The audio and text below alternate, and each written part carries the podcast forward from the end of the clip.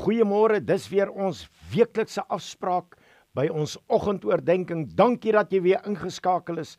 Dis lekker om jou vanmôre te kan verwelkom. Wat 'n voorreg om 'n nuwe dag in die oë te staar. Dis die dag wat die Here gemaak het. Maak dit. Ons sal daaroor juig en ons sal daaroor jubel, want die Here is steeds goed vir ons. Kom ons sluit ons oë, dan bid ons saam. Here, wat 'n voorreg om aan U al die lof en al die eer, al die aanbidding te bring.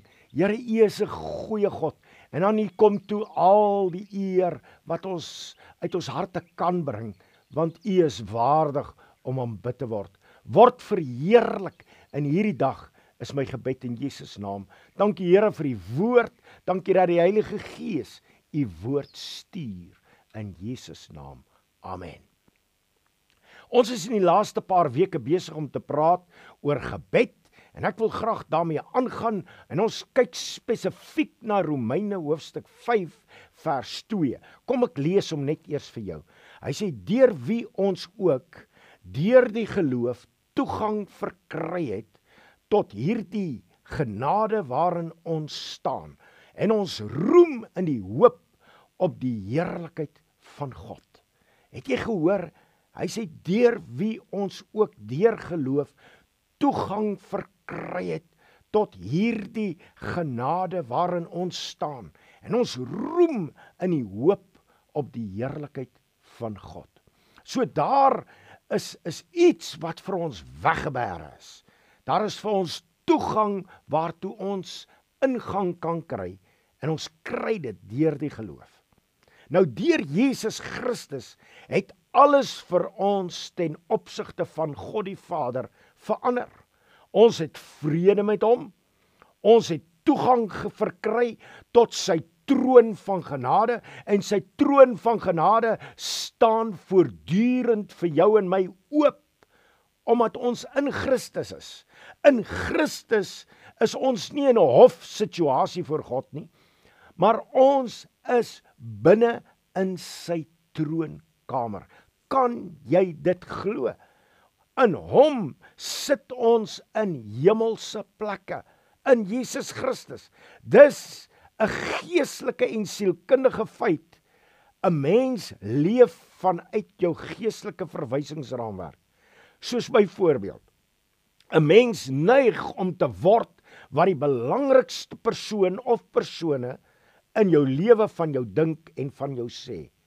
As 'n kind byvoorbeeld gedurig van sy ouers hoor dat hy sis of soos met weinig erkenning en bemoediging en opbeuring glo hy mettertyd dis maar hoe hy is en begin hy te leef volgens daardie negatiewe projeksies en verwysingsraamwerk.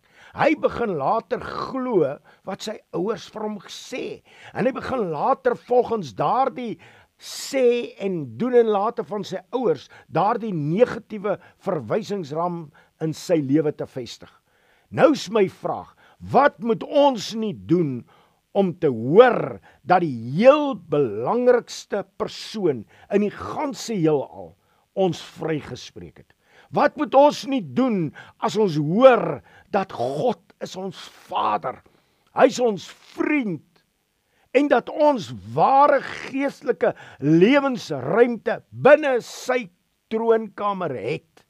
Man, is dit nie wonderlik nie? Dit is nie wensdenkery nie. Vanuit hierdie verwysingsraamwerk met ek en jy moet ons dink en praat en leef en werk. Vanuit hierdie perspektief moet ons na ons probleme kyk. Vanuit hierdie perspektief moet ons ons situasies hanteer. Ook hoe ons na die duiwel, na die bose kyk. Oor hoe ons oor hom dink en vanuit vanuit hierdie hemelse perspektief. Vanuit hierdie heerlike hemelse posisie van genade kyk ons nooit op na die duiwel en na die bose nie of na ons probleme nie. Ons kyk af daarna ons moet meer troon georiënteerd wees as wat ons probleem georiënteerd wees. Ons moet meer uh gefokus wees op God, die Vader in sy troonkamer as wat ons gefokus is op die duiwel Ons moet ons meer besig hou met ons denke by God die Vader as wat ons ons denke laat intimideer deur die vyand. Laat jou posisie in Christus jou denke en jou gemoedstemming bepaal en nie die duiwel en jou probleme nie. Laat toe dat jy vanmôre snap en verstaan dat jy sit in hemelse plekke in Christus Jesus. En vanuit daai hemelse plek kyk na jy na alles. Dit verander jou fokus, dit verander jou perspektief. Jy kyk vanuit arendsoë na hierdie wêreld. Is dit nie vir jou vanmôre bemoedigende nuus nie? En wanneer jy daardie perspektief het, dan bid jy anders. Jy praat anders met die Here. Jy praat anders met die duiwel en jy hanteer jou probleme anders want jy besef jy het 'n nuwe posisie van oorwinning. Kom ek bid saam met jou. Here, U het vir my in hierdie wonderlike, heerlike genade posisie gebring. Help my om dit te snap.